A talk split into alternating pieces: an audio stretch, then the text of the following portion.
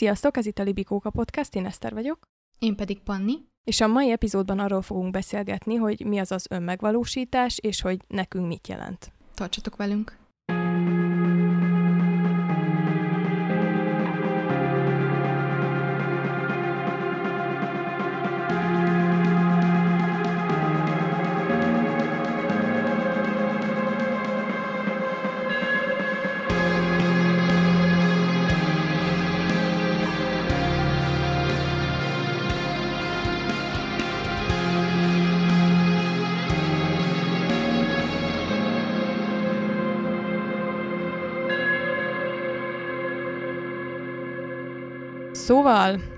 Induljunk ki abból, hogy egyáltalán mit fed az önmegvalósítás fogalma. Kicsit utána keresgéltem itt a dolgoknak, és amit találtam, hogy igazából az, hogy hogyan tudsz kvázi kiteljesedni, ez már egészen az ókori görögöktől a filozófusokat érdekelte, de szerintem megegyezhetünk Panni abban, hogy amire mi kíváncsiak vagyunk, az inkább az, hogy a modern világban mivé lett ez az uh-huh. önmegvalósítási fogalom, mert hogy a 60-as évektől van így benne a mainstreambe, meg a köztudatba, és majd fogunk róla beszélni, hogy, hogy honnan jön ez, meg hogy hogyan köthető például a motivációhoz, meg ilyesmi, de számomra nagyon érdekes, hogy a legtöbb nyavaja, amivel szenvedünk mostanában, az a 60-as évek Amerikájából jött át, mármint, hogy így a munka, munka szempontjából. Mert hogy az önmegvalósítás gyakorlatilag a mai világban általában nagyon szorosan összefonódik a munkánkkal, hogy a munkánkban akarunk önmegvalósítani, de akik eredetileg megálmodták ezt a fogalmat, és felépítettek rá mindenféle pszichológiai elméleteket, többek között például a Mazló is ilyen volt, a Mazló piramissal, amiről biztos sokat fogunk beszélni ma, ők nem kifejezetten munkára értették ezt, csak mivel a munkánk az életünk nagy része, ezért ez összefonódik kvázi ilyen kettő az egyben alapon, hogy akkor, hogyha már dolgozol, akkor az legalább olyan legyen, amiben önmegvalósítasz. Igen, de a, nem csak az, hogy a munkával kapcsoljuk össze, hanem még a munkán belül is a gazdagsággal, tehát a, a pénzzel, az anyagi jóléttel és a sikerrel, bármit is jelentsen az, az siker, és Hát én is így egy picit így keresgéltem, és az egyik dolog, amit találtam, az egy VMN cikk volt. És abban... Én is megtaláltam azt a VMN cikket, és ez zseniális, azt most belinkeljük. És, Yay. és hogy abban írja a szerző, hogy milyen érdekes, hogy, hogy egyébként senki önmegvalósítás alatt senki nem arra gondol, hogy akkor most egy ilyen nem tudom, kagylóból karkötőt készítő hippi leszek, hanem, hanem mindenki azt mondja, hogy jó, akkor meggazdagszok. Igen, mert hogy egyébként az önmegvalósítás fogalma, csak hogy nehogy elfelejtsük ezt, több is van rá, de gyakorlatilag angolul erre több meghatározás is van, de a legegyszerűbb az gyakorlatilag az, hogy the fulfillment of your capacities. Tehát, hogy gyakorlatilag a, a, saj, mi, a capacity az mi magyarul? Hogyan lehet ezt jól lefo- fel, megfogalmazni? Adottság, teljesítmény. Igen, tehát, hogy kvázi, kvázi a, az adottságaidnak a kiteljesítése. Ezt jelenti az önmegvalósítás. Arról itt nem szól semmi, hogy ezt milyen formában kell elképzelni, de bennem persze már egyből megszólalt az összes ilyen, ahogy olvasgattam ezeket a cikkeket is, az összes ilyen csengő, vagy nem is tudom, hogy, hogy azért ez egy baromi nagy luxus. És hogyha a mazló piramisból indulunk ki, akkor meg aztán tényleg tök egyértelmű, hogy az önmegvalósítás az, az kvázi a legnagyobb privilégium amit lehet, hogyha ezzel vagy most elfoglalva, és ez a legnagyobb problémád. Hogyha igazat adunk annak az elméletnek legalábbis. Én egyébként na- nagyon sokat nevettem azon, hogy az első, vagy az első találatok egyike, ami nekem feljött, az egy léleksziget. Igen, nekem is. Oldal volt, és hogy ott meg az a meghatározás, Többek között, hogy az önmegvalósítás jelentése magában foglalja azt is, hogy az illető élvezi az életét, nem szenved komplexusoktól, nem stresszel. Na hát, mutasd már nekem egy olyan embert, akit nem stresszel komolyan. Igen, aztán itt vannak ilyenek, hogy um, reálisan látja a valóságot, elfogadja a környezetét, toleráns, természetesen fejezi ki az érzését és a gondolatait, nem csimpaszkodik másba. Ja, hát ez szerintem egy tíz év terápia alaphangon.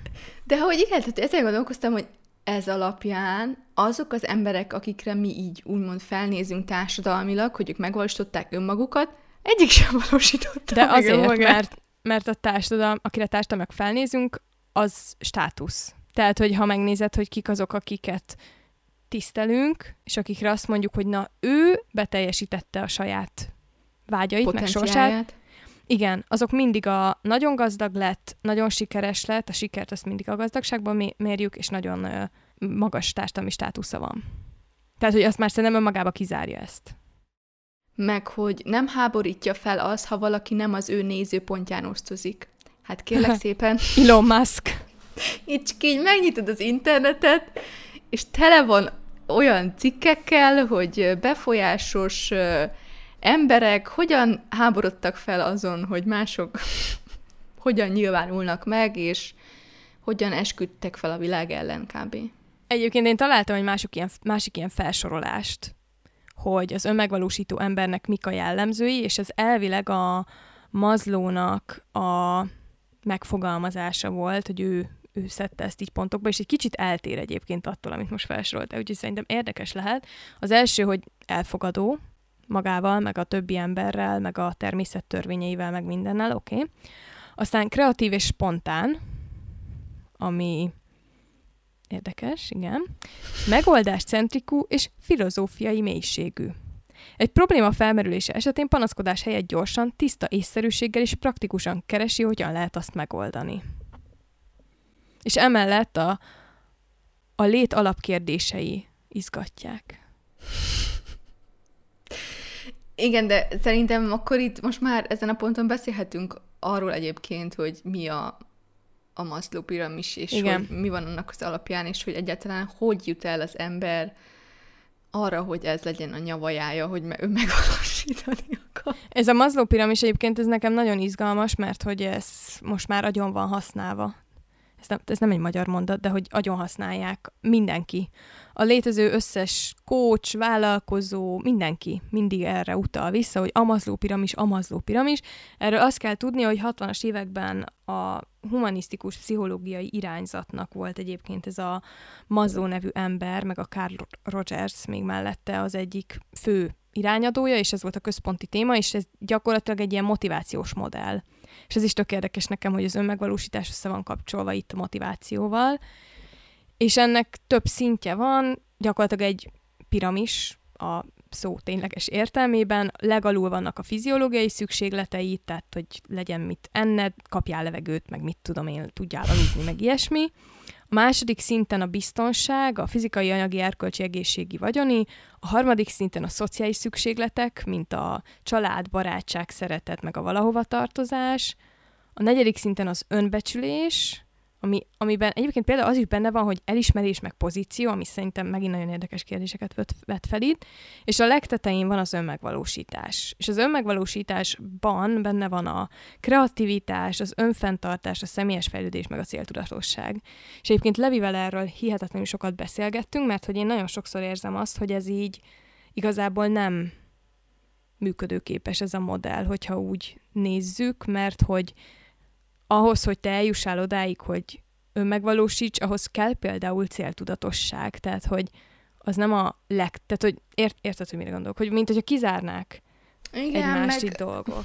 meg ez, a, ez a felállítás egy picit azt mondja, hogy te csak akkor lehetsz kreatív, hogyha az összes többi Igen. uh, igényed meg szükségleted ki van elégítve, és azért erre a történelemben rengeteg példa van, hogy ez nem igaz, mert hogy Lásd az lásd összes éhező művészek. Igen, az meg a másik, igen. Igen, szóval, hogy nyilván bele lehet itt kötni, de alapvetően az összes cikk, meg minden forrás erre köti vissza ezt a dolgot, a Maslow piramisra.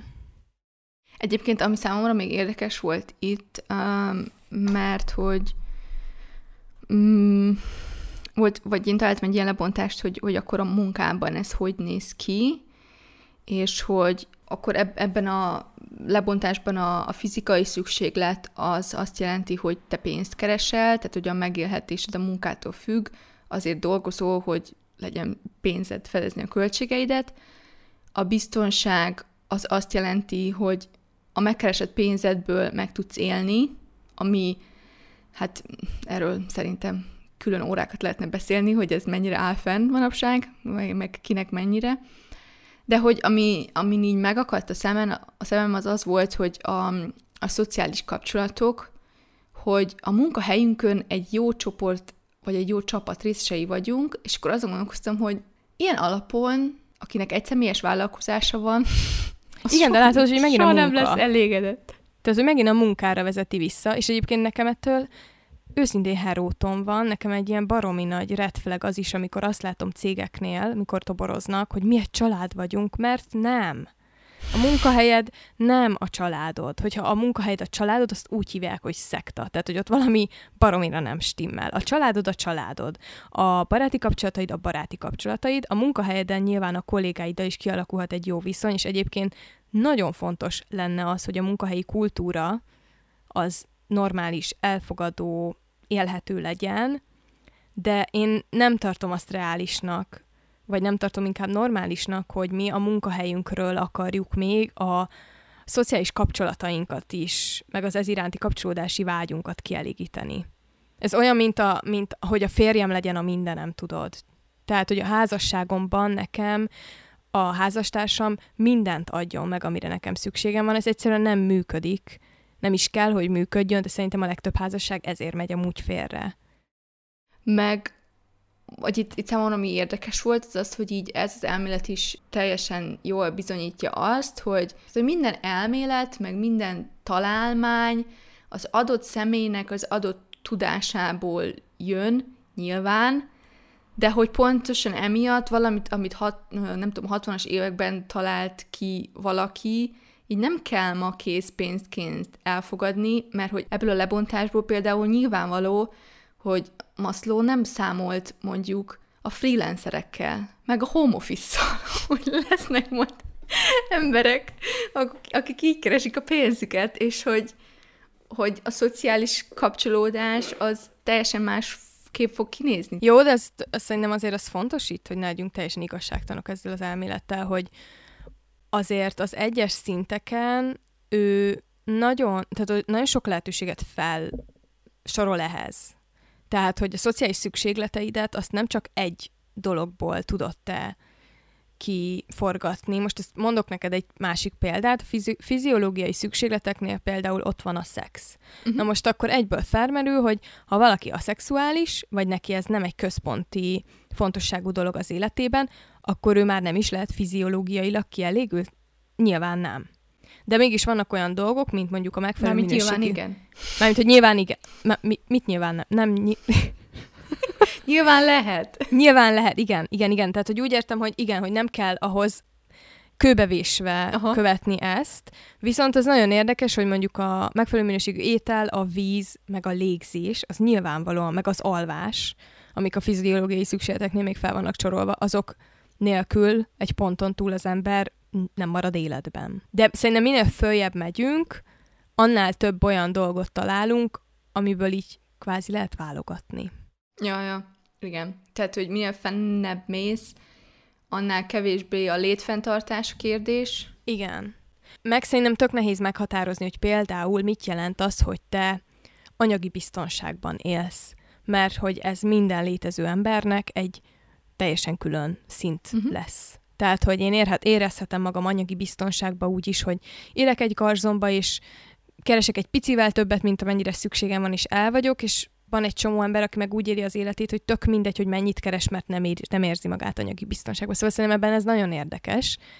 De hogyha a, az önkiteljesedésnél vagy önmegvalósításnál tartunk, akkor nekem inkább az az, ami nagyon fúrja az oldalamat, hogy ezek alapján például most, hogy reflektáljak a jelenkori helyzetre, az összes katás, akit most egyik pillanatra másikra egy teljesen más élethelyzetbe bedobtak, ők most nem tudnak kreatívan működni.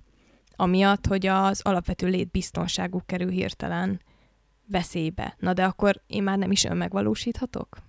Nem tudom, ennek mennyi van a kérdésnek, de hogy ezen gondolkozom napok óta, mert hogy csomó vállalkozó barátnőm, meg mindenkinél látom, mindenki szenved most a kreatív munkával, így a posztolása, meg minden, és magamon is érzem, de közben meg igazából minden létező dolog, az csak azért motivál, mert végső soron nekem vannak céljaim, amiket szeretnék elérni, és nem akarok róluk lemondani. Akkor én már önmegvalósítok? Annak ellenére, hogy nincs egzisztenciális biztonságom jelenleg? Egyébként erről szerintem még a tavaly beszéltünk, hogy mennyire nehéz a kreatív szakmákban az, hogy a kreativitást nem lehet erőltetni, meg nem lehet csak úgy a semmiből előkotorni, de közben meg, hogyha neked tényleg attól függ a, az anyagi biztonságod, igen, a megélhetésed, akkor egy adott ponton muszáj valahogy kicsikarnod magadból, és hogy az már még kreativitásnak számít-e, vagy, vagy nem.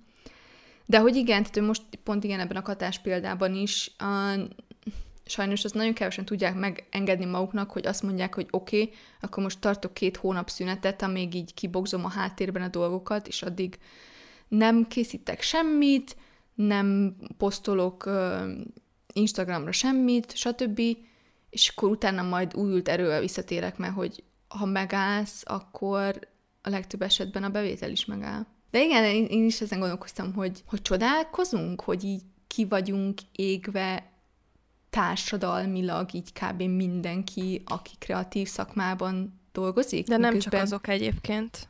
Hát nem, nem csak azok, de hogy nyilván én ebben vagyok, meg így a barátaim többsége ebben van, tehát ezt látom közelebbről, de hogy így erre vonatkoztatva, hogy amikor neked nincs meg a biztonság érzeted már évek óta, mert volt egy világjárvány, mert itt a globális felmelegedés, mert a politikusaink minduntalan kitalálnak valami új fasságot, akkor meg hogy legyél kreatív? Tehát, hogy annyi energiát lefoglal az, hogy csak úgy úgy legyél, és így mindig így kb. így úgy képzelem, mint hogyha így, nem tudom, így, így jönnének a golyók, és akkor neked csak így, így, így, mint a Matrixban, így próbálsz így elhajolni a következő csapás elől, de hogy közben meg végezni a kreatív munkát is. Egyébként neked mit jelent az önmegvalósítás, hogyha önmegvalósításra gondolsz, akár így a személyes életedben? Csak amennyire kényelmes megosztani. Hát így most nyilván nem tudok teljesen elvonatkoztatni arról, vagy attól, amit olvastam, meg attól, amiről már beszéltünk, de hogy így a saját fejem után azt mondanám, hogy az önmegvalósítás számomra azt jelenti, hogy azt csinálom, amit szeretek, és abból meg tudok élni. Tehát, hogy neked szorosan összekapcsolódik a megélhetésed az önmegvalósításoddal. Gyakorlatilag ez alapján. Igen, de ez egy kicsit olyan, mint a, tudod, a tyúk meg a tojás, hogy így, hogyha nem szólnak körülött, meg hogyha nem mindenki ezt nyomná, hogy az önmegvalósítás arról szól, hogy mennyi pénzt keresel, akkor is így gondolnám. Tehát, hogy így nagyon nehéz szerintem ettől már így elvonatkoztatni. Egyébként, hogyha, mármint olyan szempontból azért nem függ össze szorosan szerintem, hogyha valaki adna nekem havonta mondjuk ilyen ezer eurót, csak azért, mert én én vagyok, és milyen jó, hogy létezek, és hogy így, a, így az anyagi biztonságom mondjuk így le, most az 1000 euró az egy ilyen random szám, hogy az anyagi biztonságom az így uh, le lenne fedve, attól én még tudnék önmegvalósítani, vagyis hogy ilyen szempontból nem érzem azt, hogy csak akkor vagyok értékes, hogyha pénzt keresek, és hogy csak akkor erős az önbecsülésem, hogyha adott összeget megkeresek. Talán inkább abban ragadnám meg ez, amiről már szintén beszéltünk, ez a, ez a purpose, ami nem tudom magyarul arra mi a jó szó, hogy... Életcél. Vagy nem is tudom. Tehát, hogy van valami, ami, ami felé elhivatottságot érzel, vagy... Igen. Hogy mi az értelme az életednek, és hogy mi az, ami miatt érdemes minden reggel fölkelni? Igen, valahogy úgy inkább ebben ragadnám meg, hogyha így megtalálod azt a dolgot, ami így ilyen szempontból éltet, és azt tudod csinálni, és közben még meg is tudsz élni, most függetlenül attól, hogy abból a dologból vagy, vagy másból, hogy ez azért már így eléggé jól hangzik, mint önmegvalósítás.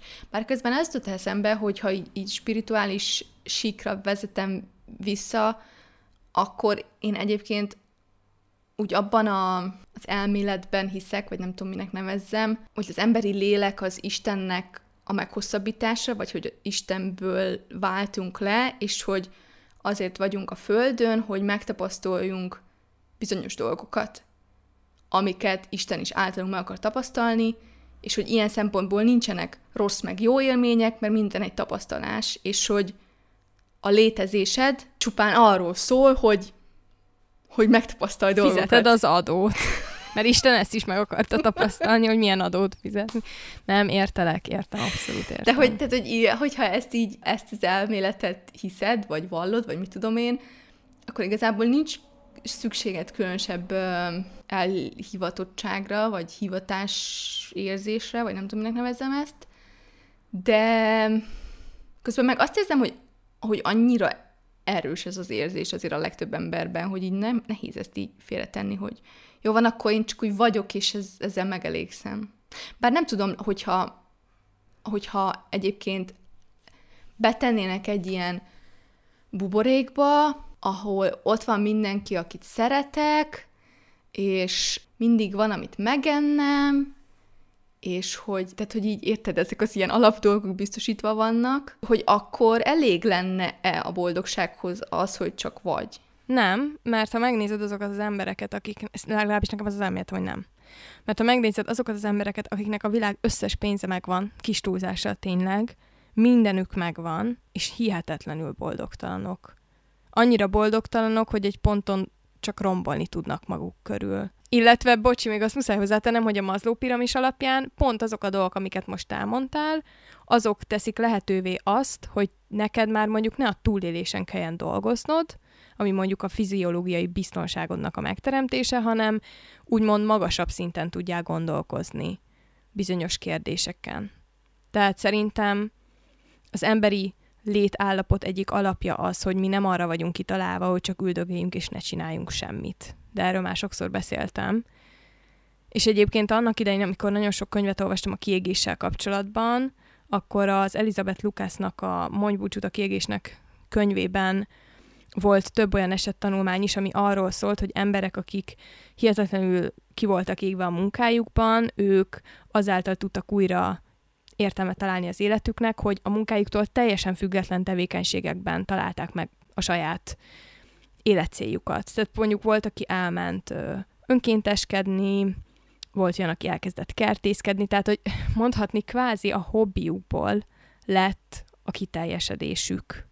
Legalábbis én ezt így fordítottam le. Ugye azt mondtad, hogy, hogy látjuk, hogy akinek a legtöbb pénze van, az nem boldog, szóval csak azért, mert megvan mindened, amire szükséged van, automatikusan nem leszel boldog de hogy ez a maszlói elmélet meg ugye azt mondja, hogy az önmegvalósítás elsősorban az önismeretből jön, és abból, hogy te elfogadod magad olyannak, amilyen vagy, az adottságaiddal és a hiányosságaiddal együtt, és hogy a, a legtöbbet próbálod meg ö, kihozni az adottságaidból, és hogy a hiányosságokat meg nem kudarcként éled meg, hanem egy lehetőségként, és hogy próbálsz fejlődni, meg ugye folyamatosan feljebb jutni a piramisban, de hogy ugye ilyen szem, tehát hogy akinek sok pénze van, amit az előbb is mondtunk, nem feltétlenül tart itt.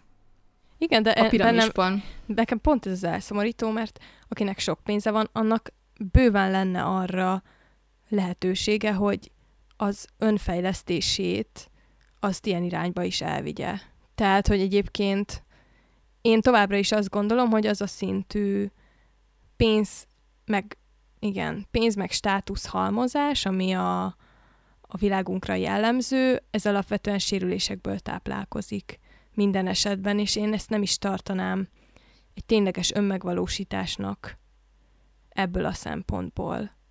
Mert közben hány olyan embert ismerünk, én legalábbis ismerek egy párat, akik úgy élik az életüket, hogy úgymond megelégszenek azzal, amiük éppen van, és hogy megtalálják az életükben azokat az apróságnak tűnő dolgokat, amik értelmet adnak a mindennapjaiknak, és köszönik szépen, abszolút ki vannak benne teljesedve. Igen, erre akartam visszavezetni, hogy szerintem, hogyha te ismered önmagad, és elfogadod magadnak olyan, magadat olyannak, amilyen vagy, akkor nem fogsz halmozni semmit, mert hogy tisztában vagy vele, hogy egyrészt nincs rá szükséged, másrészt meg, hogy nem fog boldogítani.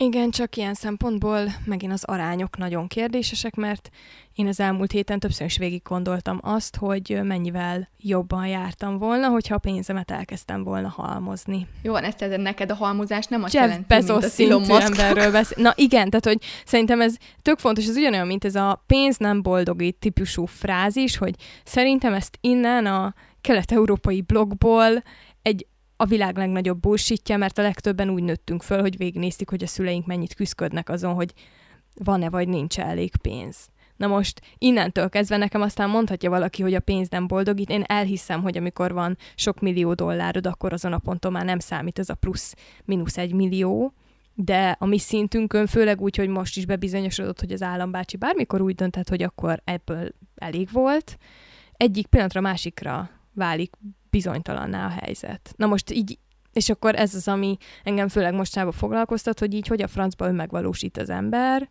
amikor ilyenkor nyilvánvalóan háttérbe kerül ez. Mert ami előtérbe kerül az, hogy oké, okay, honnan lesz annyi pénzem, hogy fenntartom magam, és hogyha arra van szükség, akkor az önmegvalósításomat a háttérbe fogja helyezni az, hogy legyen egy olyan állásom, amiből elég pénzt keresek, hogy ne, rak, ne veszítsem el a biztonsági dolgokat. Szóval nem tudom. Igen, ez ugye nehéz olyan szempontból is, hogy még, úgy, még mindig azt nyomatják mondjuk, mondjuk a, vagy hát nem mindenki, de hogy sok szülő a gyerekével szemben is, hogy legyél orvos, meg legyél ügyvéd, meg legyél ez, meg legyél az, mert akkor fogsz jól keresni, és akkor fogsz jól élni. Igen, ez az önmegvalósításnak még akkor csak az első lépése az anyagi biztonság. Hát meg szerintem, és akkor így bonyolódik megint ez a mazló elmélet, hogy hihetetlen boldogtalanak lehet lenni olyan munkákban, amikben csak az a cél, hogy te megéljél belőle. És akkor itt jön be az a kérdés, ugye, hogy azzal kell mindenképpen a munkákban foglalkoznunk, amit szeretünk, mert hogy valahogy nálad is, ahogy megfogalmaztad, hogy neked mi az önmegvalósítás, és én is egyébként saját életemben ezen gondolkoztam, hogy mindig szorosan összekapcsolódott azzal, hogy mi a munka, amit végezni fogok, és hogy abban hogyan érzem magam. És hogy egyébként olyan munkával pénzt keresni, amit szeretek csinálni, azzal sokkal-sokkal könnyebb az életem. Még akkor is, hogyha mondjuk nem keresek vele annyit, amennyit akkor kereshetnék, ha egy olyan munkát csinálnék, amit utálok. Szóval ez tök nehéz, hogy... És ilyenkor érzem megint azt, hogy piramis ide vagy oda, azért az önmegvalósításnak, meg ezeknek a dolgoknak van szerepe az alacsonyabb szinteken is. Nyilván mondom én ezt úgy, hogy Budapesten élek, mondjuk azt, hogy a középosztály alsó rétegében, bár nem is tudom most már ezen a ponton mi mit jelent a középosztály, tehát most nyilván, hogyha egy teljesen más életkörülményben lennék, akkor nem biztos, hogy ezt gondolnám. Tehát, hogy ez is egy szubjektív élmény.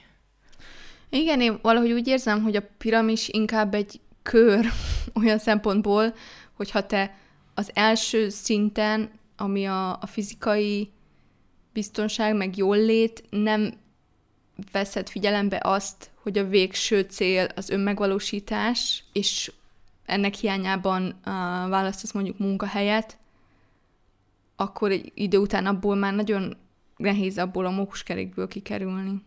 Hogy mindig csak a, arra a szintre fókuszálsz, amelyiken épp, amelyikkel éppen küzdesz, és nem nézel előre, hogy mi a végső cél, akkor így nagyon könnyű szerintem megrekedni azon a szinten. Egyébként nekem azt jut eszembe, nem tudom miért, mert nem is különösebben kapcsolódik. Talán onnan, hogy, hogy mit jelent a, a biztos, meg a jó, meg a sikeres munkahely, és hogy, hogy mennyire leszel boldog a munkádban. Az több időben nagyon sokszor eszembe jut, és mindig nagyon felidegesítem magam. Pedig ez egy ilyen, most már több mint két éves élmény, hogy nekem sok, sok problémám van a hátammal, és amíg Izlandon éltem, ott volt egy csodálatos csontkovácsom, akit imádtam, csak hát ő Izlandon van, és akkor keresnem kellett volna itthon valakit, és elmentem egy pasihoz, akit ajánlottak, és hát már ott rosszul kezdődött a dolog, hogy aki ajánl- vagy akitől megkaptam az illetőnek a telefonszámát, figyelmeztetett, hogy ne hívjam csontkovácsnak, mert ki fog oktatni, és hogy hívjam kiropraktőrnek. És hogy ezt így én nyugtáztam, de utána meg nyilván elfelejtettem, és csontkovácsnak hívtam, és akkor jött a kioktatás. Ez az egyik dolog, de hogy ilyen nagyon-nagyon így visszagondolva annyira abszurd volt az egész, hogy ott volt ez az ember, akinek ez az élete, hogy így segítsen másoknak, meg így tele volt a terem, ahol a munkáját végezte mindenféle keleti tanítóknak a képeivel, és közben meg ilyen szöveket nyomott, hogy, mert mondtam, hogy én otthon jogázok, és akkor ilyen, ilyen fullban megszégyenített kb., hogy milyen, milyen lehet az?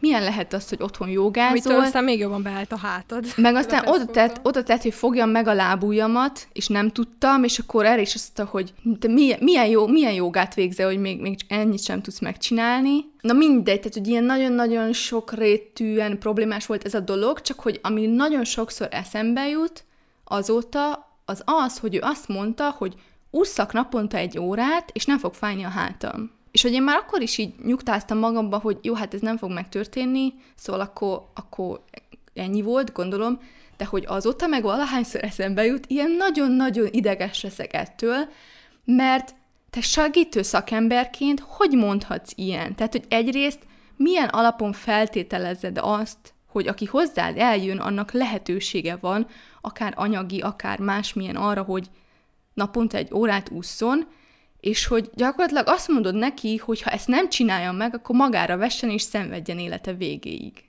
Hát ez számomra nagyon érdekes ez a történet, azon túl, hogy végtelen felháborító, nagyon sok szempontból. Mert hogy szerintem mindannyian láttunk már olyat, amikor valakiről kvázi az jön le, az alapján, amit ő kifelé mutat, hogy ő neki így az élet célja és a, a szenvedélye az, hogy segítsen embereken, és igen, keleti tanítások, meg megvilágosodás, meg mit tudom én, és aztán találkozol vele, igen, és valami teljesen máshol van ehhez képest, és igazából neki lenne a legnagyobb szüksége segítségre.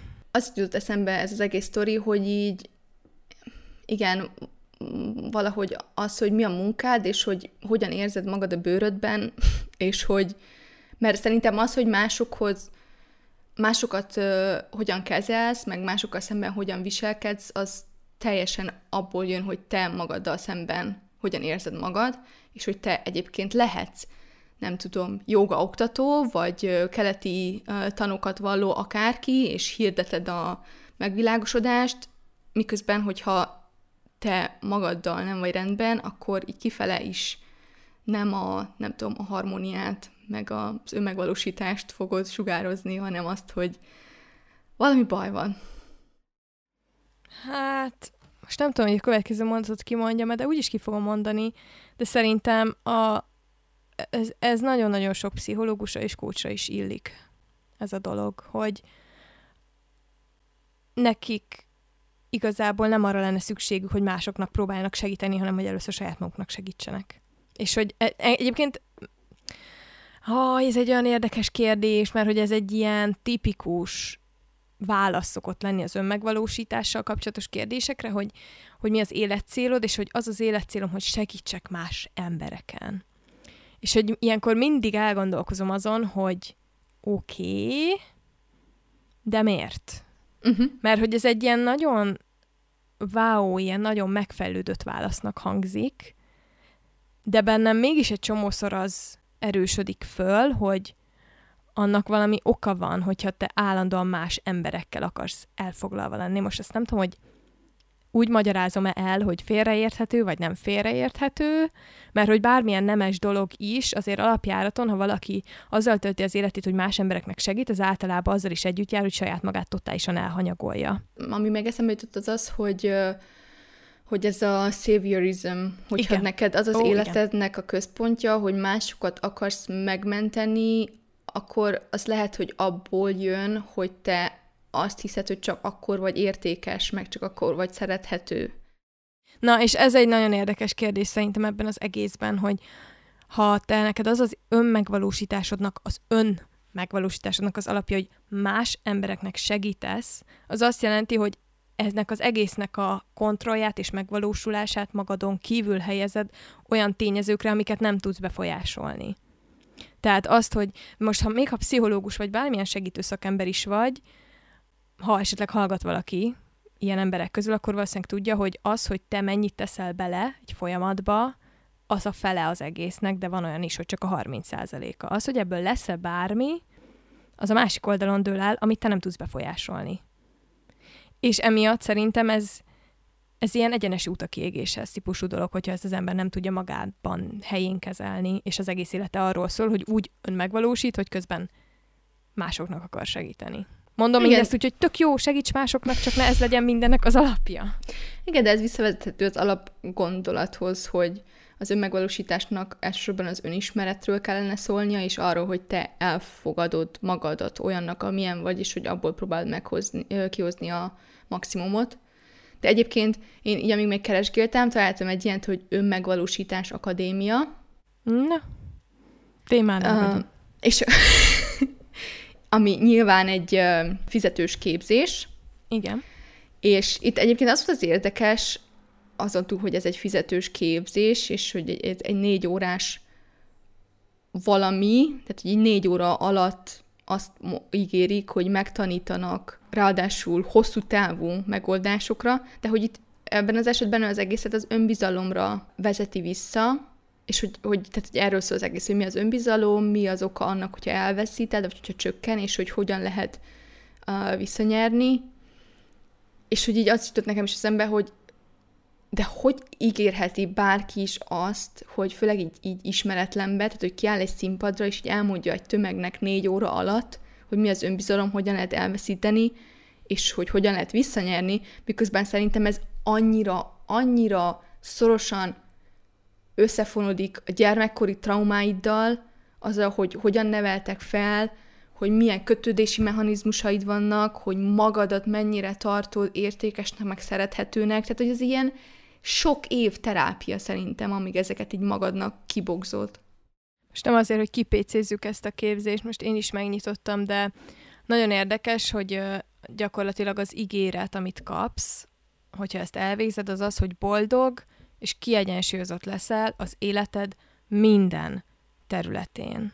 Na most én nem gondolom, hogy az önmegvalósítás az azt jelenti, hogy te boldog és kiegyensúlyozott vagy az életed minden területén. Már csak azért sem, mert az életünk minden területében nem tudunk száz százalékban ott lenni, hanem van a kis életünk, és bizonyos százalékokat tudunk belerakni az életünk különböző területeibe, ezért van az, hogy van, amikor az egyiken van a nagyobb hangsúly, van, amikor a másikon van a nagyobb hangsúly. Erről szólna az egyensúly, vagy mi? De hogy itt már a boldogság is ide be van hozva, ezzel tényleg nem tudok mit kezdeni. Én, én nem hiszem, hogy, min, hogy a, a, amúgy az önmegvalósítás az együtt jár a boldogsággal, vagy azzal a boldogsággal, amire sokszor így a nyugati világban boldogságként gondolunk. Az jutott most eszembe, hogy uh, Rimóci Zsófinak volt egy ilyen bejegyzése, hogy ő sokáig arra fókuszált, hogy boldog legyen, meg hogy boldogságot vonja be az életébe, vonzza be az életébe, és hogy egy ideje inkább arra fókuszál, hogy egyensúlyban legyen, és hogy ha jó, ha rossz dolog jön be az életébe, hogy a, meglegyenek az erőforrásai ahhoz, hogy azzal meg tudjon birkózni. Hát elárulhatná, hogy, hogy a francba csinálja ezt a jelenlegi helyzetben. Komolyan. Tényleg, ezt most cinizmus nélkül mondom. Hát nem tudom egyébként, hogy, vagy hogy ezt nem mondta, hogy mennyire működik ez neki, csak az, hogy ezen dolgozik. De hogy szerintem ez a felismerés már egy ilyen jó első pont, hogy így inkább az egyensúlyra törekedni, ne a boldogságra. Igen, és akkor ez most egy nagyon jó lehetőség arra, hogy behozzam a dollármilliárdos témát egyébként ezzel az egésszel kapcsolatban, hogy az önmegvalósítás ahányszor szóba kerül, kicsit olyan, mint a self-made man dolog. Mindig úgy kezeljük, mint hogyha egyedül rajtad múlna az egész, és mint hogyha semmi nem tudna kibillenteni egy pillanatra sem, és hogy mintha semmi nem lenne hatásra ránk. És pont most ez a, ezen a példán, amit te mondtál, ezen a példán tovább indulva, amikor vagyunk egy ilyen helyzetben, amiben most vagyunk az elmúlt három évben, ami bizonyos embereket különböző szinteken érint, akkor az, hogy te mennyire próbálod az egyensúlyt megtalálni, az nagyon jól hangzik, és nagyon fontos, hogy azt tudjuk befolyásolni, hogy hogyan reagálunk bizonyos dolgokra, de ettől függetlenül hihetetlenül fárasztó, kimerítő és mentális energiát visz. Szóval, hogy a rendszert azt megint nem lehet szerintem ebből az egészből kivonni, mert egész más jelent most Magyarországon megpróbálni önmegvalósítani, mint mondjuk, nem tudom, Angliában most önmegvalósítani. Igen, de egyébként a Maslowi elmélet az azt mondja, hogy, hogy azok az emberek, akik önmegvalósítottak, vagy volt konkrétan egy ilyen megfogalmazás, hogy nyitottak az életre, az eseményeket előítéletek nélkül nézik. Szerintem ilyen ember nincsen. Én azt érzem egyre, hogy ez egy ilyen ideális embertípus. És hogy számukra az élet egy izgalmas folyamat a nehézségekkel együtt. Igen, ebből meg annyira azt hallom ki, hogy ezt férfiak írták. Bocsánat, de hát tényleg. Egyrészt, egyrészt, másrészt meg egy kicsit ez olyan, mint a, a megvilágosodás, hogy oké, okay, de hogy ezt így, ezt így ki tudja elérni. Tehát, hogy ezen a ponton tényleg azt érzem, hogy így az önmegvalósítás és a megvilágosodás közé tehetnénk egy, egy mert mind a kettő annyira, egyrészt annyira arról szól, hogy rendben vagy önmagaddal, és másrészt meg arról, hogy, hogy így nem, tehát hogy elérhetetlennek tűnik tényleg. Egyébként most így tisztára, hogy ezt így felolvastad, megjelent előttem a férfi író arhetipusa, aki ugye ült egész nap a dolgozószobájába, közben az asszony ellátta mind a nyolc puját, folyamatosan hozta neki a tiszta ruhát, nem, meg nem tudom, szemet hunyt a félredugások mellett, és akkor ő, neki mindeközben volt ideje és lehetősége annyira elmélyülni, hogy nyugalmasan és nem tudom, befogadóan tudjon rá tekinteni az életét körülvévő eseményekre. Tehát, hogy én ebből kvázi ezt hallom ki. És azt muszáj hozzatom szóval... zárójába, hogy egyébként amikor a Virginia Woolf hasonlót csinált, és azt mondta, hogy már pedig nekem kell egy külön szoba, ahol el, el tudok vonulni, és magamra tudom zárni, mikor írni akarok, ez a mai napig ilyen csodabogár történetként van beállítva. Szóval te azt mondod, hogy a fizikai szükségleteket ezeknek az embereknek a, a, az életükben a nők biztosították. Én ezt mondom. És egyébként azt mondom, hogy a mai napig ez van szerintem. Az, azok a családos férfiak, akik hihetetlen kutatásokat, meg ilyeneket tesznek le az asztalra, azok, azok mellett általában van egy feleség. És nem csak a tudományos életben, hanem a legtöbb helyen. Sorry. Miközben a nők három gyerek mellől írják meg a regényeiket napi 10 percben. Sorry. Azt erről eszembe egyébként, hogy volt uh, a nyár elején két amerikai tinédzser vendégünk, nem tudom, ezt már, ezt már mondtam de hogy így velünk laktak egy ideig, és, um, és hát ez a tipikus, hogy úgy mennek fel a lépcsőn, hogy az egész ház döng, amikor zuhanyoznak, a teljes fürdő úszik, így végig mennek egyébként a lakáson úgy, hogy csöpög róluk a víz, és akkor azt beszéltük a férjemmel, hogy ez a tipikus, tehát hogy így ordít róluk, hogy az anyjuk szedeget utánuk. És hogy így megszokták ezt, hogy a viselkedésüknek ilyen szempontból nincs következménye, mert hogy a szennyes mindig varázslatos módon eltűnik, a vízfoltok varázslatos módon feltakarítják magukat. Erről nekem a Matthew mcconaughey a Zöld Lámpa című könyvéből jutott eszembe egy részlet. Amúgy tökre szeretem őt, mint színész, tehát most ez nem erről szól, hanem arról, hogy írt egy ilyen motivációs könyvet, amiben konkrétan le van írva, hogy ő szerinte a feleségének nincsen akkora igénye az egyedül létre és a szabadidőre, mint neki. Úgyhogy természetesen a felesége neveli a gyerekeit, tudod. Tehát, hogy Szóval, hogy inkább maradjunk annyiban, most egy kicsit így visszakanyarítva arra, amit mondtál, hogy ha úgy ülnél otthon, hogy adott minden, ahhoz, hogy önmegvalósíts, akkor vajon akarnál-e önmegvalósítani? És szerintem igen, hiszen itt nagyon sok esetben, hogyha te neked adottak ezek a körülmények, akkor persze, hogy ráérsz úgymond marcangolni magad és önmegvalósítgatni, és ilyen hülyeségeket leírni egy könyvbe, amit aztán kiadsz és eladsz jó sok pénzért, mert hogy tényleg nem kell azokon az alapvető dolgokon gondolkodnod, ami mondjuk, ha csak egy átlag magyar anyát nézek, a büdös életben nem jut el odáig, hogy önmegvalósításon gondolkozzon, amikor az ő feje az azzal van tele, hogy hogyan menedzselje az egész háztartást, és hogy a gyerekeinek hogyan kell fejben tartani az egyes teendőit.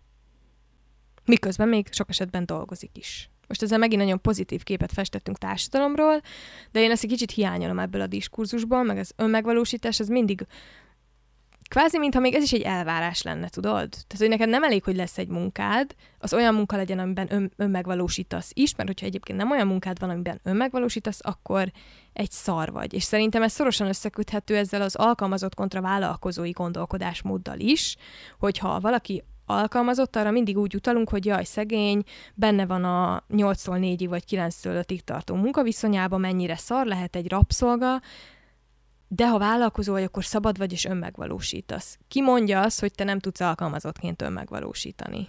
És ki mondja azt, hogy vállalkozóként mindenképpen önmegvalósítás lesz az, hogy nem tudom, készfertőtlenítőket árulsz. Igen, e- ebben a felállásban az önmegvalósítás megint csak a pénzzel és a státusszal függ össze, és nem az önismerettel és azzal, hogy te rendben vagy önmagaddal. Egyébként abban a VMN cikkben volt ez, hogy ez megfogalmazás, hogy az önmegvalósítás azt jelenti, hogy az egyén kiaknázza a benne rejlő lehetőségeket, és a legmagasabb szinten teljesíti ki mindazt, amire az adottságainál fogva válhat, vagy amivé az adottságainál fogva válhat, és így ezen azért akadt meg a szemem, mert ez, ennek alapján valaki abszolút önmegvalósíthatna szobafestőként is, vagy varrónőként. Igen, csak hogy megint én legyek itt a cinikus, hogy ugye ebben egy fontos szerepe van annak, hogy megismerd az adottságaidat. Te kérdem én, hogy amikor egészen kicsi korunktól kezdve, gyakorlatilag bébi korunktól kezdve, csak a nemünk alapján kondicionálnak minket arra, hogy te ebben lehetsz jó, te meg ebben lehetsz jó, ha fiú vagy, akkor ebbe, ha lány, akkor abba, akkor ki fog-e derülni, hogy neked mik a valódi adottságaid, hogyha erre soha nem is adnak neked esélyt. És akkor erre még ráteszem pluszban azt is, hogy az egy dolog, hogy vannak adottságaid, mert az adottság, erről is van már egy csomó mindenféle, nagyon sokszor átbeszéltük, hogy az adottság a 100%-ból a 20%, a 80% meg a szorgalom, meg a munka, amit bele kell raknod. De hogy én már itt az legelején látom ezt elvérezni, ezt a történetet. Mert aztán bekerülsz a magyar oktatási rendszerbe, és ott mindenre koncentrálnak, csak arra nem, hogy neked az adottságait kibontakozzanak. Rosszabb esetben még le is törögetik a kis próbálkozásaidat. Hát meg így nem tudom, most így a, a héten hallgattam egy ilyen beszélgetést, hogy a kislány nem akarta megcsinálni a háziát, és akkor az anyuka mondta, hogy nem baj, kell napszámos is, és így azon gondolkoztam, hogy de hogy így az, tehát hogy egyébként manapság, meg így a jelenlegi globális, földrajzi, aktuálpolitikai, stb. helyzetben szerintem nem olyan rossz az, hogyha egyébként ilyesmire is tanítjuk a gyerekeket, hát vagy hogy igen. egyáltalán ott lebeg a szemük előtt, mint mm, lehetőség. Nagyon, nagyon viccesnek tartom ezt, mert ez, ez továbbra is egy ilyen státusz alapú megszólalás. Tehát, hogy kvázi azért legyél diplomás, mert az úgymond idézőben többet ér a társadalomban, miközben, hogyha nem lennének úgymond, ö, hogy mondjam ezt, nem napszámosok, de mondjuk, nem tudom, onnan indulunk, Hát hogy... kétkezi munkások. Igen, látod, még normális szókészletünk sincsen erre, akkor nem is működne a világ. Nekem én azt hallgattam mindig, hogy nem baj, kellene kukások is, és akkor mostanában néztem, hogy mennyibe kerül, mármint, hogy mennyi, mennyit keresnek a kukások, és azon gondolkoztam, hogy lehet, hogy nem lett volna, nem lett volna ez annyira rossz. Nem lett volna annyira rossz irány. Hát meg én nem tudom, én az összes Facebook csoportban, amiben benne vagyok, mindig előjönnek ilyen kérdések, hogy mondjon valaki normális szerelőt, mondjon valaki Nincsen, egy megbízható, nincs, nem tudom, nincs. asztalost, stb. És hogy abszolút hiány van belőlük. Nincsen, aki jó, annak be van telve négy évre előre a naptára, és egyébként meg hihetetlen pénzeket kérnek el, főleg most. Good for them. Good for them. Főleg azok után, hogy egyébként ez a mi gimnáziumunkban egy ilyen nagyon meghatározó irányvonal volt. Erről, erről is már szerintem többször meséltem, így az utolsó évek, amikor készültünk az érettségire, hogy kvázi az volt a legijesztőbb szenárió, ami előfordulhat veled, hogy szakmunkás lesz belőled, vagy valamilyen szakmát kell tanulnod. És így most így visszagondolva, őrület az egész. Tényleg. Én már sokszor gondolkoztam rajta, hogy, hogy elvégzek valamit. Engem tökre érdekel, tökre érdekel például a, a pék, mint szakma a Covid alatt tökre kiműveltem magam a kovászolásból, én tökre el tudom magam képzelni, hogy egy ponton elmegyek péknek. És tudnál, hogy me- ő megvalósítani? Szerintem igen. Egyébként. Ez is egy érdekes kérdés, hogy az önmegvalósítás, ez azt jelenti, hogy egyetlen egy dolgot viszel végig az életeden, vagy ez is valamilyen nyugati termék, amit mi így befogadunk, hogy ez úgy működik, hogy az embernek van egy életcélja, és azt az egy életcélt viszi egész életében, és hogy ezek is csak korlátok közé szorítanak minket, mert amúgy miért ne változhatna az, amit csinálni szeretnél. Hogyha megint abból indulunk ki. Most már ezt le kell szögezni, hogy ebben a, ebben a podcastban az önmegvalósítás az nagyon, nagyon összekapcsolódott a munkával. Gyakorlatilag nem nagyon tudjuk kettészedni. De szerintem azért nem tudjuk kettészedni, mert tehát, hogyha ha lenne biztosítva mindenkinek egy alapvető fizetés, bevétel, az alapvető szükségletei legyenek kielégítve társadalmi szinten, legyen erre egy konszenzus, stb., tehát, hogy senkit ne fenyegessen az éhenhalás, akkor, akkor uh, szét tudnád választani az önmegvalósítást attól, hogy keresel a pénzt, vagy sem. Na, de épp szerintem ez a legnagyobb félelme egyébként a, a vezetőknek, hogyha ez van, akkor az emberek nem fognak dolgozni. Én meg ezt úgy látom, hogy nem, akkor az emberek olyan munkákat fognak végezni, amit amúgy szeretnek csinálni, és nem lesznek belekényszerítve olyan miért, hogy mondjam ezt? Olyan szituációkban, ahol muszáj valamit csinálni, amit nem szeretsz, hogy aztán beledögölj. Abban a VMNS cikkben volt egy ilyen, hogy létezik egy autentikus önvaló vagy lélek, amelyet az önmegvalósítás során fel kell fedezni. Ezt lehet belső hangnak, intuíciónak, belső gyermeknek, bárminek nevezni. És így azon gondolkoztam a napokban, hogy igazából, ha belegondolsz, akkor az emberek nagy részének a teljes személyisége egy trauma válasz a gyerekkorukkal. És hogy ilyen alapon szerintem nagyon-nagyon-nagyon-nagyon-nagyon nehéz visszabontani azt, hogy mi az, ami valóban te vagy, és számodra autentikus. Igen, egyébként ez a belső gyermekes példa itt nagyon érdekes, mert szerintem abban van valami, hogy gyermek, gyerekkorunkban azért nagyon erőteljesen bennünk vannak még azok a dolgok, hogy mi az, amit mi szeretnénk. Úgymond filter nélkül tudjuk ezt, és hogy ilyen szempontból persze ezt érdemes lebontani, de én a saját belső gyermekemet biztosan nem engedném most oda a kormányhoz, vagy hogy mondjam. Tehát, hogy az egy nagyon érdekes elmélet, amikor azt mondod, hogy ás le a belső gyermekhez, és add át neki az irányítást. Tehát, hogy persze, szép meg minden, hogyha még ha nem is sérült valakinek úgymond a belső gyermeke, vagy nem sérült ő kisgyerekkorában, amit tök őszintén megmondó gyerekek, Magyarországon szerintem olyan nincs, de még, még tehát, hogy nincs olyan, hogy nem sérülsz. A kérdés csak az, hogy mennyire, és hogy szembe vagy hajlandó nézni vele, vele, vagy nem. Szóval, hogy én ezt a részét mind értem, ami inkább érdekes nekem ebben most, az az, hogy ezek alapján viszont az, hogy autentikusan éld az életed, abban nem csak az van benne, hogy hogyan, mi, hogy mi a munkád, meg ilyenek, hanem hogy a mindennapokban milyen vagy, és akkor most felteszem a kérdést, hogy ha valaki egy olyan országban él, ahol mondjuk a nem identitása, vagy a vagy szexuális hovatartozása, vagy az, hogy kit szeret, az mondjuk törvény által tiltva van, akkor az azt jelenti, hogy ő már alapjaiban elesik attól a lehetőségtől, hogy úgy élje az életét, ahogy a nő szeretné azt élni. És miatt most már bárki elkezd ilyen extremitásokra gondolni, nyilvánvalóan itt most arról van szó, amikor valaki a magánéletében másoknak nem ártó dolgokat szeretne. Mondjuk szeretni egy másik embert, aki azonos nemű vele, vagy ilyesmi. És, és a, a dr. Máté Gábornak aki egy fantasztikus ember, fantasztikus könyvekkel.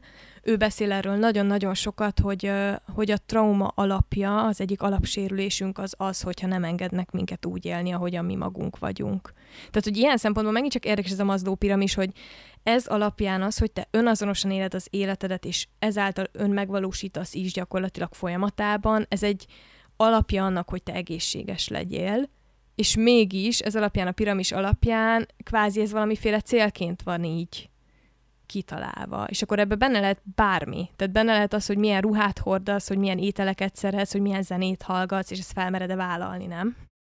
Jó, de hát én nem tudom, tehát hogy gyakorlatilag a teljes jelenlegi, uh, így nagy, széles körben eltér, elterjedt nevelés elmélet arról szól, hogy a gyerekedet azt szerint formálod, hogy szerinted mi a helyes és mi nem, és hogy mások mi alapján fogják elítélni, vagy nem. Én most azt jött eszembe, hogy ma azon szórakoztam, hogy a VMN-en, szintén a VMN-en van néhány ilyen gyerekszágygyűjtés, és akkor volt egy ilyen, hogy, hogy így a, nem tudom, az anyuka a, a kisgyerekkel vendéglőben van, és akkor a kisfiú pukizik, és akkor az anyukája megszídja, hogy, hogy nem szabad ilyen csinálni, mások ide enni jönnek, és akkor a kisfiú azt mondja, hogy én meg fingani. és akkor én ezt így, ezt így elmondom a férjemnek, és ő meg erre azt mondta, hogy hát, hogy, hogy oké, okay, de hogy szerinte, vagyis, hogy ő azt szeretné, hogy mi ne ezek alapján, az elvek alapján neveljük majd a gyerekeinket, hogy úristen, mit gondolnak mások, és hogy te mindig korlátoz magad, és legyél uh, appropriate, és viselkedj így, és öltöz úgy, és nézzél ki amúgy, azért, hogy mások, uh, másokat nehogy, nem tudom, megsérts, meg hogy mindenki elfogadjon, stb., mert hogy arról kellene szólni a nevelésnek, hogy te a gyereknek biztosítasz egy támogató közeget, hogy ő amiben ő ki tud bontakozni, és amiben megtalálja, hogy ja, mi az, amit szeret, mi az, amit nem, mit akar csinálni, stb. De hogy nem erről szól a nevelés, hanem arról, hogy nekem megvan az elképzelésem, most neked muszáj úgy csinálni, mert én vagyok a felnőtt, és én jobban tudom. Jó, mondjuk ez a pukizás szerintem nem jó példa erre. De értem, hogy értem, hogy mire gondolsz, mert hogy jó, lássuk be, hogy a társadalomban vannak úgymond ilyen iratlan szabályok, amiket úgy érdemes betartani. Tehát mondjuk, hogy nem engeded a gyerekedet az étterem közepére szarni, én azt mondom, hogy ez mondjuk egy olyan nevelési elv, ami oké. Okay. Az, hogy hogyan van előadva viszont, az már egy másik kérdés, mert ezt meg lehet úgy is magyarázni a gyerekeknek, hogy elmagyarázzuk neki szépen, hogy ez miért nem illik, vagy hogy ennek mi a módja, de mondjuk az, hogy ő hogyan öltözködik, vagy belőle mi, mi, hogy mi érdekli, vagy ilyesmi, az ilyen irányba való úgynevezett pofozás szerintem nagyon hamar megkezdődik. Tehát, hogyha egy kisfiú tűszoknyát akar venni, akkor azt ugye nem lehet, mert mit fognak szólni mások. Ez a mit fognak szólni más, mások típusú dolog. Ez, ezzel abszolút egyetértek. Egy, egy, volt egy cikk, majd, ha megtalálom, akkor azt is belinkelem, ami, ami erről szólt, hogy, hogy hogy néz ki.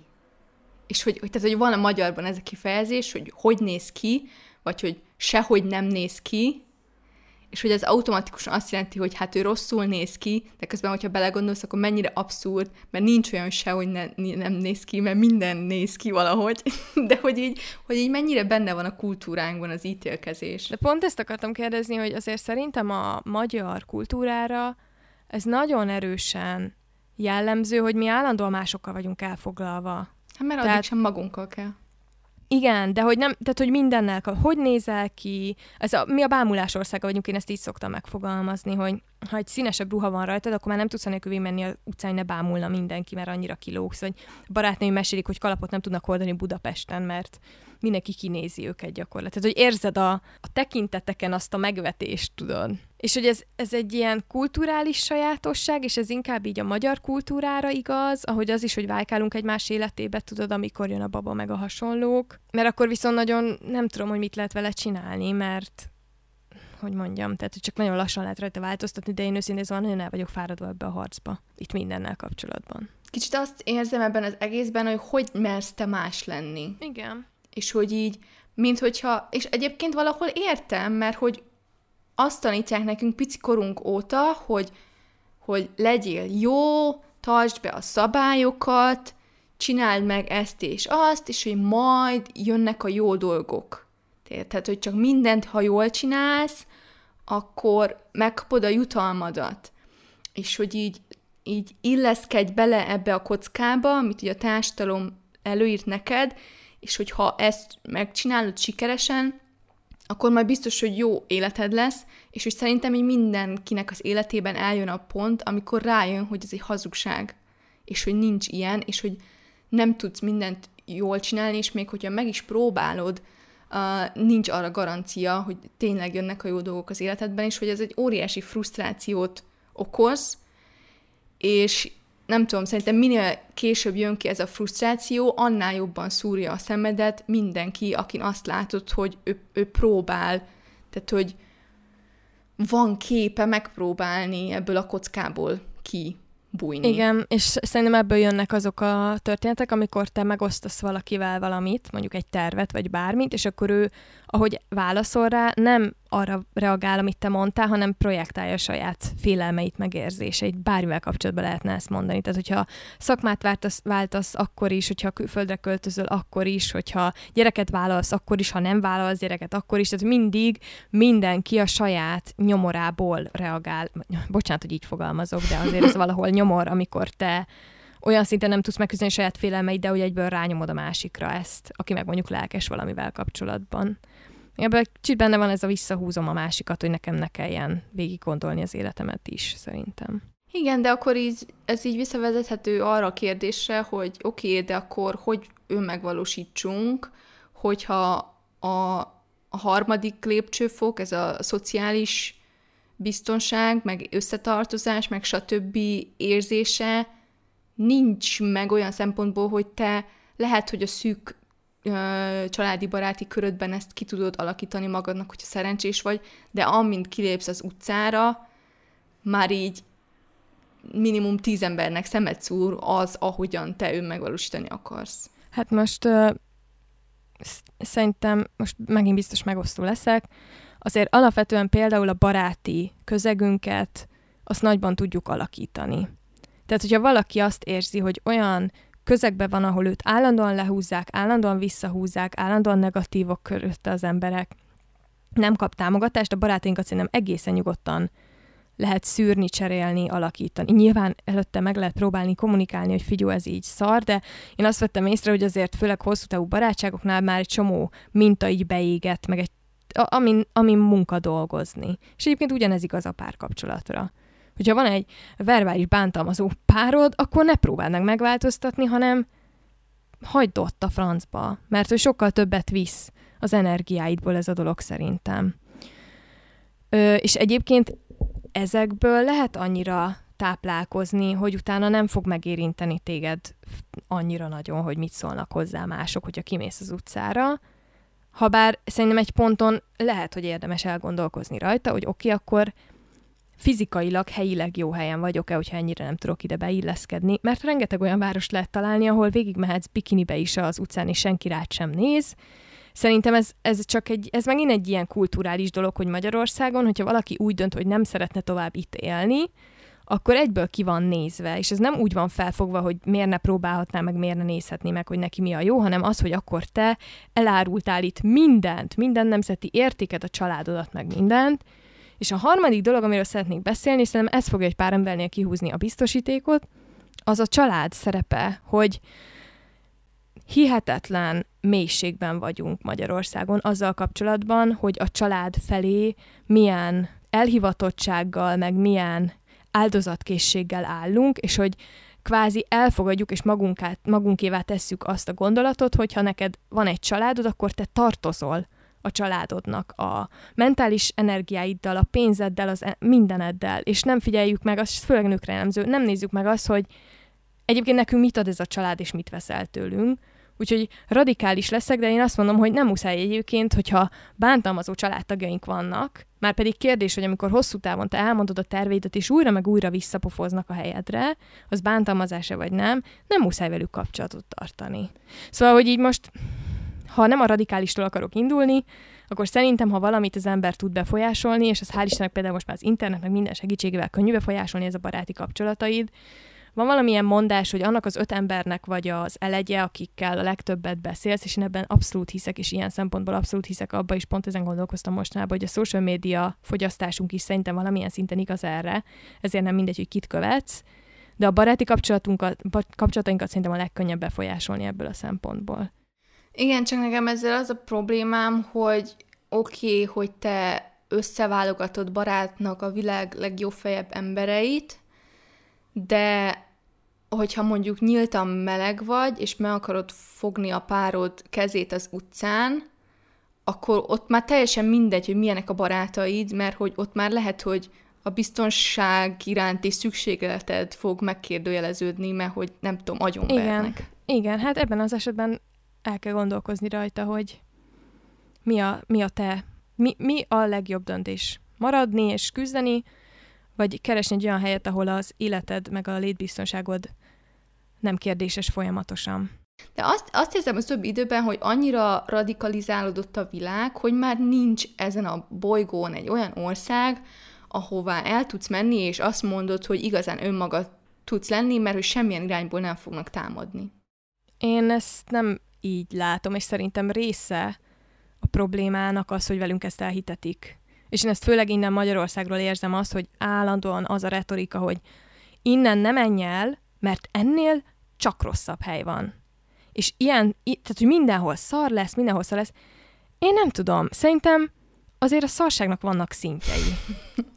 Tehát az, hogy, hogy Magyarországon nem tudsz kirakni egy szivárványos, nem tudsz magadra már semmilyen szivárványos dolgot venni, mert ténylegesen az életedet veszélyezteted az utcán, az egy egészen más szintű ö, problémakör, mint az, hogy mondjuk a munkahelyeden, hogyha kiderül rólad, hogy ö, transznemű vagy, akkor arra hogyan fognak ott reagálni. Amivel nem azt akarom, tehát hogy nem összehasonlítani akarom a két problémakört, de szerintem nagyon veszélyes elhinni azt, hogy ennél nem lehet jobb máshol.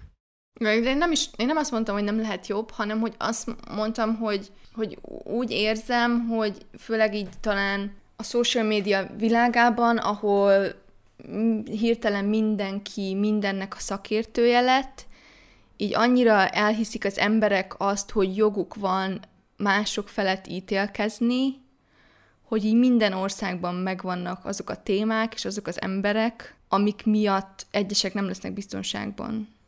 Igen, csak ez megint, megint a szintezés kérdése.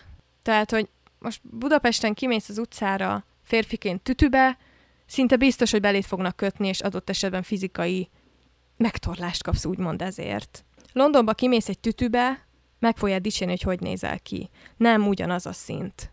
Nem ugyanaz a szint. Szerintem úgy nem, ez, ez egy másik, egy tök érdekes kérdés, hogy ha önazonos vagy és felvállalod magad, és önmegvalósítasz, akkor az nem fog mindenkinek tetszeni.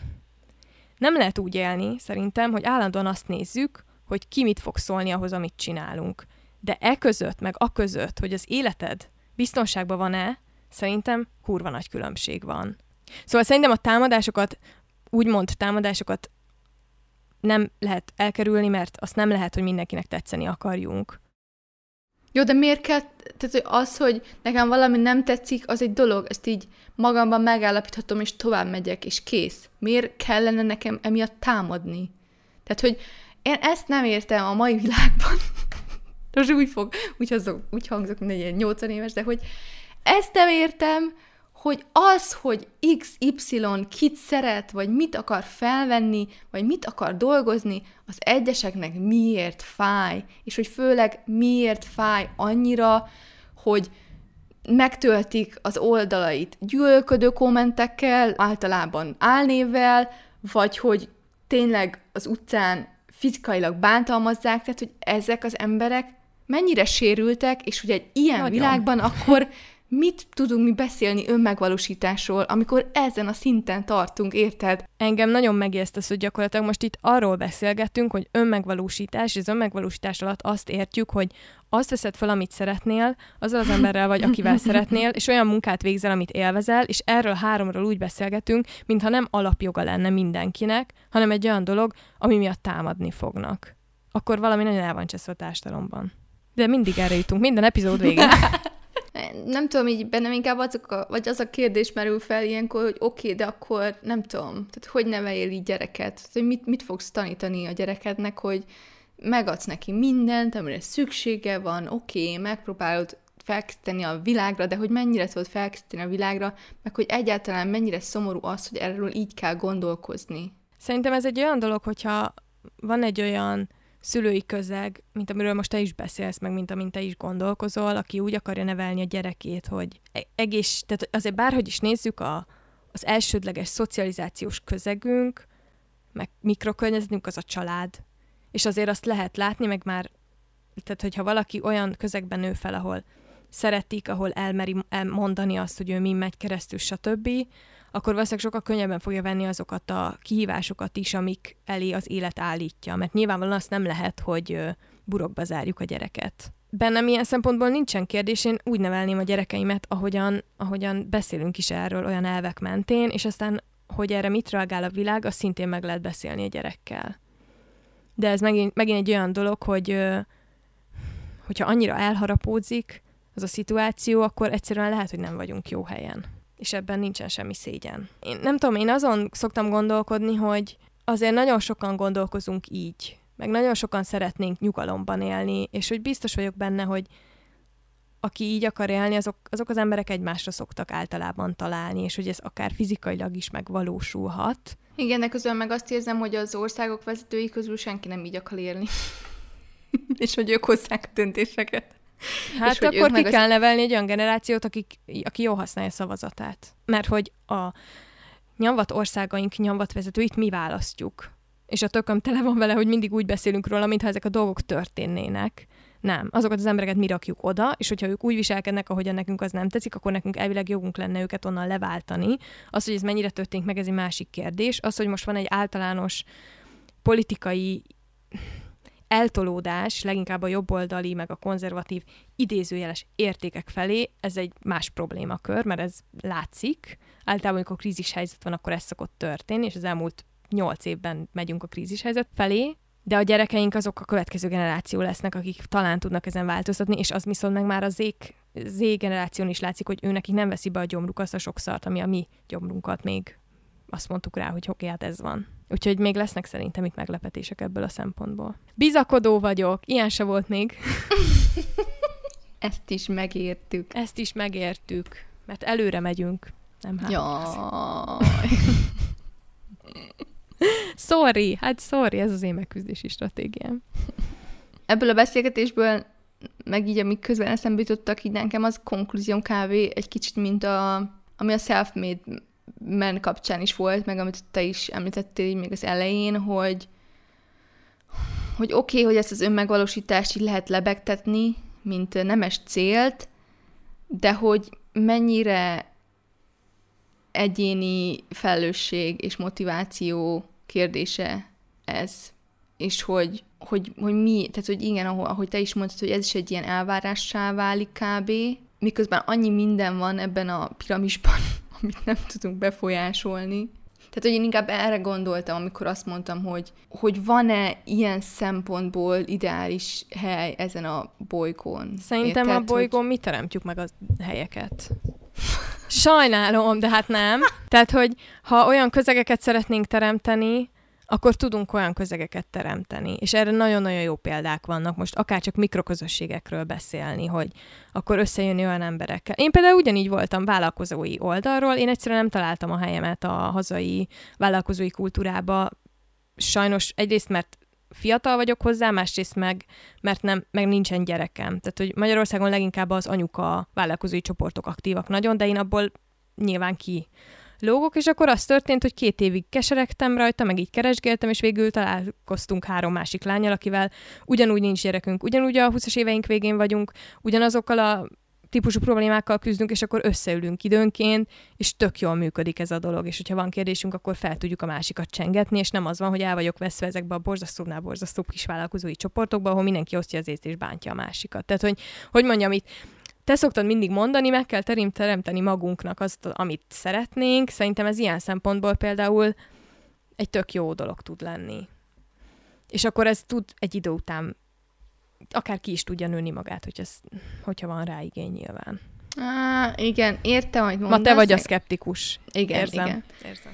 De hogy értem, amit mondasz, meg egyet is értek vele, csak hogy, hogy azt érzem, hogy ez is át tud fordulni egy ponton olyan áldozat hibáztatásba, hogyha te nem teremted meg magadnak az ideális ja, körülményeket, hát akkor veled van a baj. Egyáltalán nem erre gondolok, hiszen hát pont tudom, hogy te nem erre gondolsz, de hogy úgy általában.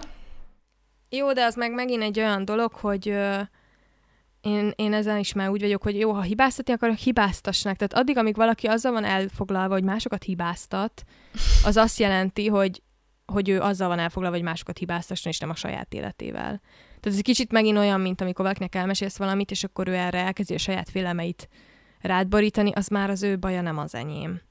Azt érzem, hogy egy olyan, olyan időszakban, amiben a politikai beszéd, vagy nem tudom, a politikai diskurzus is állandóan arról szól, hogy az összes elnyomott csoport hibás igazából minden olyan döntés, amit a politikában meghoznak, ahol ennyire alap, hogy ána hibáztatunk másokat, igazából nem tudom, hogy ebbe hogy lehet jól kijönni. Nem Ezt tudom, én, én azért vagyok szerintem ilyen szkeptikus mostanában, mert, mert hogy így, így tényleg így az utóbbi időben nagyon sok minden történt, ami így megrengette az emberiségbe vetett hitemet, és hogy így érted, így ez a mi ez a Maslow piramisnak a harmadik szintje, ami a szociális háló, meg az összetartozás, meg stb., hogy én erről így azt érzem, hogy hogy így a legszűkebb körben oké okay vagyok, csak hogy néha azt érzem, hogy ez nem elég. És hogy az legszűkebb körömön túl meg, meg hogy így nem nagyon látom azt, hogy mennyire van befolyásom. Tehát, hogy elméletben oké, okay, hogy te megteremted magadnak a lehetőségeket, meg a környezetet, amire vágysz, de hogy gyakorlatban mennyire tud ez működni, meg hogy akkor tényleg arról szóljon az életünk, hogy így, így vándorlunk Rossz közösségről közösség. Rossz embertől kérdezed most ezt a kérdést. Csak hangosan gondolkozok. Na most akkor mi a konklúzió ennek a depresszív epizódnak a végére? Megint. Ez az évad eléggé ilyen. ilyen Igen, lehúzós egy kicsit. Nem tudom, egyébként nem tudom, hogy miért vagyok ennyire, vagy miért van bennem mostanában ennyire erősen ez a ez az érzés, hogy hogy az emberek rosszat akarnak egymásnak, mert egyébként nem ez az alapvető mm, hitem, vagy hogy mondjam, tehát hogy nem, nem ezt gondolom. Nagyon sok. Jó neked.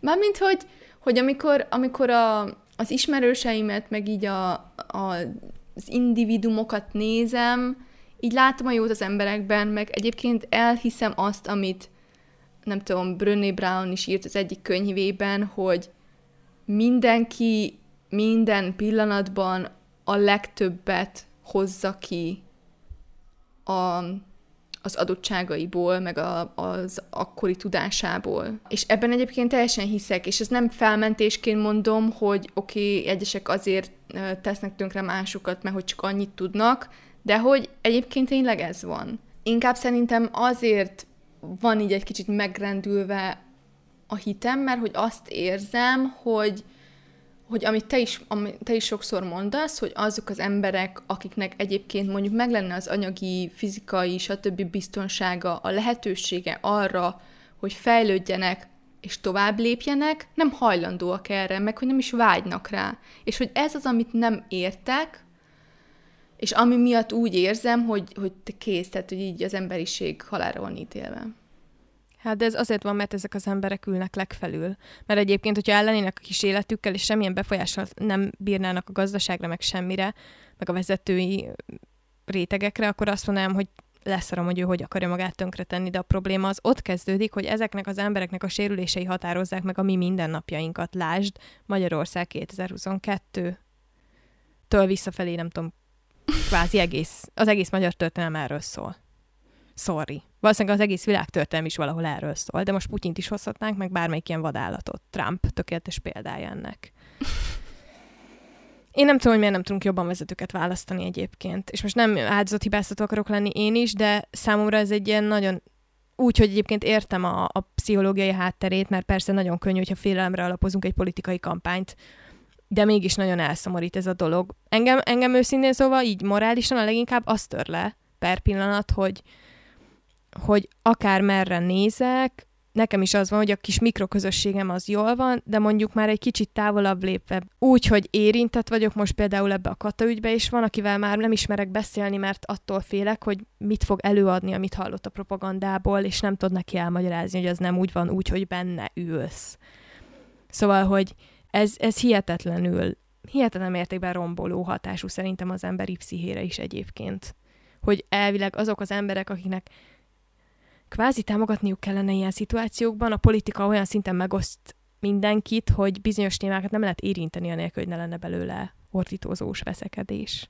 Úgyhogy az életünkről van szó konkrétan.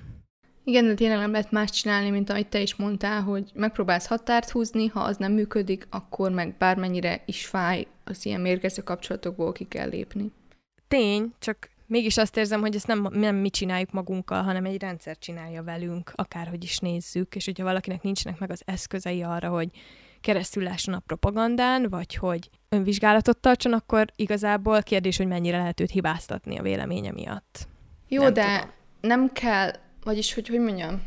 Most mindezt mondom úgy, hogy, ez, tehát, hogy amit el fogsz mondani, az valószínűleg én is tisztában vagyok, inkább csak egy ilyen, egy ilyen megélésem mostanában, ami, ami még így pluszban elkeserít engem, hogy, hogy döbbenet, döbbenet, hogy mennyire gyorsan átlendültünk azon, hogy, hogy 400 ezer embernek egy tolvonással az élete gyakorlatilag fenekestül felfordul. Tehát ezt nem tudom egyszerűen feldolgozni azóta se.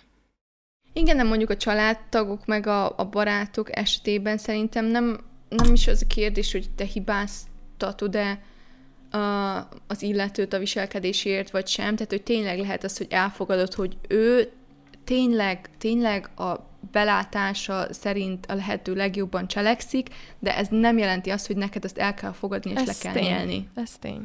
Ez tény. Csak hogy azért nagyon-nagyon nehéz ez, mert hogy hogy amit te is mondtál, hogy főleg családon belül úgy vagyunk nevelve, hogy a szülő szava szent, hogy neked nem szabad visszafeleselni, neked ne is legyen saját véleményed, hogy a felnőttekre fel kell nézni csak azért, mert felnőttek, és hogy 30 éves vagyok, és még mindig ezt érzem, hogy oké, okay, de hogy hogy még mindig itt vannak az emberek, ezek az emberek, akikre nekem fel kell nézni csak azért, mert felnőttek, de hogy már én is felnőtt vagyok, és hogy, tehát, hogy érted, hogy így valahogy nem, uh, így az egész hierarchia akkora bullshit, és hogy szerintem teljesen vannak olyan helyzetek, amikor egy öt éves gyerek jobban tudja magáról, most nyilván ez helyzettől függ, de hogy jobban tudja, meg érzi, hogy ő Neki mit mi szeretne, igen. igen, mint az a felnőtt is, hogy csak azért, mert te idősebb vagy, nincs jogod dönteni más, másoknak az élete felől. T- igen. igen. Jó messzire mentünk a megvalósítástól. Hát ezek a dolgok szerintem mind összefüggnek, csak, és, és pont emiatt ennyire nehéz. Igazából szerintem ez az egész téma onnan indul, hogy az ember felmeri magának tenni a kérdést, hogy ő igazán igazán mire vágyik. És ez nem egy olyan kérdés, ez, amit egy kérdéssel meg tudsz válaszolni, hanem egy olyan kérdés, amit kvázi le kell bontani magadban, és megvizsgálni minden egyes kis dolgot, amiben éppen benne vagy, vagy amiről azt gondolod, hogy tényleg szeretnéd, hogy azt tényleg te szeretnéd, de vagy valamikor valahol ezt így előírták neked. És most ilyen legalapabb dolgokra gondolok, mint hogy még a kedvenc színed, mert még innen is indulunk, odáig, hogy mondjuk a munka, amit csinálsz, az tényleg a te választásod volt és élvezed, de vagy azt gondolod, hogy neked ezt kell csinálni, vagy igazából bármi. Bármi. És akkor ebből szépen, tehát hogy szerintem úgy az egész önmegvalósítás dolog egy folyamat. Tehát, hogy szépen lassan elkezded ezeket így lebontogatni, elkezdesz rákérdezni dolgokra, folyamatosan rá fogsz kérdezgetni dolgokra saját magadtól ezzel kapcsolatban, és akkor szépen elkezd kirajzolódni, hogy oké, okay, akkor mi az, ami ebből igazán én vagyok, és szeretném továbbvinni és akkor az valamiféle önmegvalósítás már önmagában. Szerintem addig, amíg másoknak próbálunk megfelelni, addig nagyon nehéz önmegvalósítani, hiszen az nem önmegvalósítás, hanem más megvalósítás. Nem tudom, ezt hogy hívják másképpen. Igen, és akkor itt vissza is kanyarodhatunk arra, hogy bármennyire is szeretjük az önfejlesztést, nem kell senkinek a tanácsait készpénznek venni, aki egy négy órás képzésben akarja megtanítani neked, hogy hogyan legyél önmagad.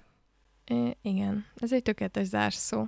Habár hozzá kell tennem, hogy most pont olvastam a olvastam egy új önfejlesztő könyvet nyilván. Mel Robbins, biztos mindenki ismeri neki, ez az öt másodperces szabály című könyve volt, meg volt egy TED talkja, ami engem amúgy annó nem, nem nagyon húzott be, és az egyik barátnőm megvette most az új könyvét, az Adj egy pacsit magadnak, vagy adj magadnak egy ötös, vagy valami ilyesmi címe van, majd úgyis leírásba berakjuk. És az így kvázi ilyen motivációs könyv, így a háromnegyedéig eljutottam, és volt benne egy csomó gondolat, ami tök sokat segített, és volt benne egy pár gondolat, amivel, amivel meg így egyáltalán nem értek egyet, és szerintem így az összes ilyen önfejlesztő könyvet amúgy így kell olvasni, hogyha valami abszolút semmilyen szempontból nem, rezonál veled, akkor azt engedd el a francba, ami meg segít, azt meg vidd magaddal. Szerintem nem nagyon lehet ezt másképpen csinálni, de igen, olyan ne legyen, hogy valaki elkezdi nyomasztani magát, amiatt, hogy nem lehet hirtelen hű, de nagyon boldog, miután elvégzett egy kurzust, mert mitől lenne.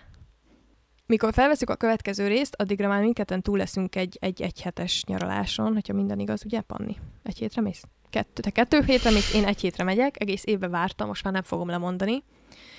És arról szeretnénk beszélni, mert valószínűleg az után lévő héten veszük fel az epizódot, hogy ki tudunk-e kapcsolni egyáltalán, mint vállalkozók egy ilyen pihenés alatt, hogy néz ez ki nekünk. Mert hogy egyébként nekem mindig akkor szoktak a legjobb ötleteim támadni természetesen, aztán hazajövök, és csak ülök a gép előtt kukán, hogy dolgozni kéne.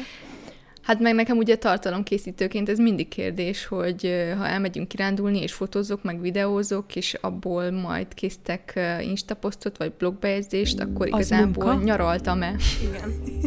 Igen. Úgyhogy erről fogunk beszélgetni két hét múlva. Köszönjük, hogy velünk tartottatok, találkozunk két hét múlva. Sziasztok!